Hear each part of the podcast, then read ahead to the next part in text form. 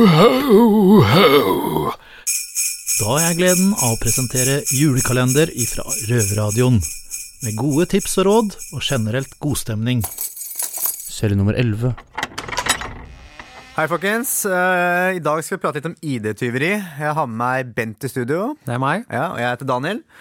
Eh, ID-tyveri er når noen tar kontroll over identiteten din uh, ved at de f.eks. får tak i da, personnummeret ditt, uh, misbruker dette ved å handle på nettet. De kan tappe lån, og de kan tappe kontoen din ved å benytte seg av visakort. Så jeg kan spørre deg da, Bent, kan du fortelle litt om hva slags ID-tyveri du har begått før, og hvordan du har gått frem? Ja, nei, jeg har begått Altså, jeg har gjort alt det som du nevnte, pluss litt til. Det har jo kodebrikker og ja, handle i butikker på nett, som du sa. Dette gjør jeg ved at jeg stjeler andres post. eh, modifiserer eksisterende bankkort ved å sette på bilde av meg selv, eller uh, eller hel, aller helst bruke et bilde som ligner. Ja. Ja, Så du går fysisk i postkassen og tar andres post for å finne kort og ja rett og slett. Ja. Eh, Føler du at ID-tyveri er en offerløs kriminell handling? Eh, Med tanke på at det er som regel banken som får svi, så det er mange som føler at det kanskje er en på en måte pen måte å begå kriminalitet på. Ja, banken, bankene svir mest, men øh, det svir også litt for de fleste. For at de må som regel betale en egenandel på 800 kroner.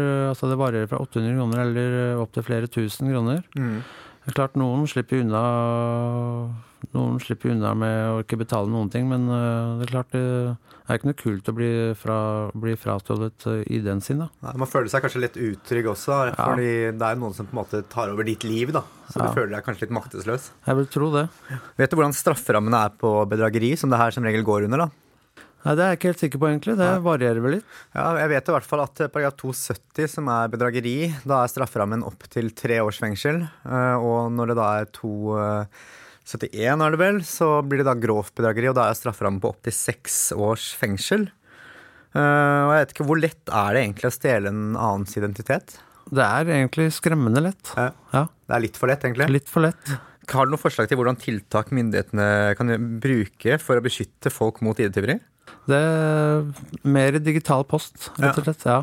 Og så har de, nå har de også begynt å fjerne I Sverige så har de jo aldri hatt personnummer og fødselsdato bakpå visakortet. Og det har de også begynt med Norge nå å ta bort. ja, det For er da blir det jo litt vanskeligere på en måte å få tilgang til den sensitive informasjonen. Riktig. Men til slutt så har du en oppsummering av det her, noen tips du kan gi til folk ute for å beskytte seg mot ID-tyveri. Nei, det Hent oftere posten i postkassa. Ha Eh, lås på postkassa. lås på postkassa, og eventuelt installere en sånn lydløs alarm, kanskje. Det er mye tiltak, men det, sånn, sånn er det blitt, egentlig. Ja. Også til alle dere ute, får bare sørge for å passe på. Det er uh, veldig lett å gå i fella, for å si det sånn, da. Ja. Yes. Pass på, ellers kommer jeg og tar dere!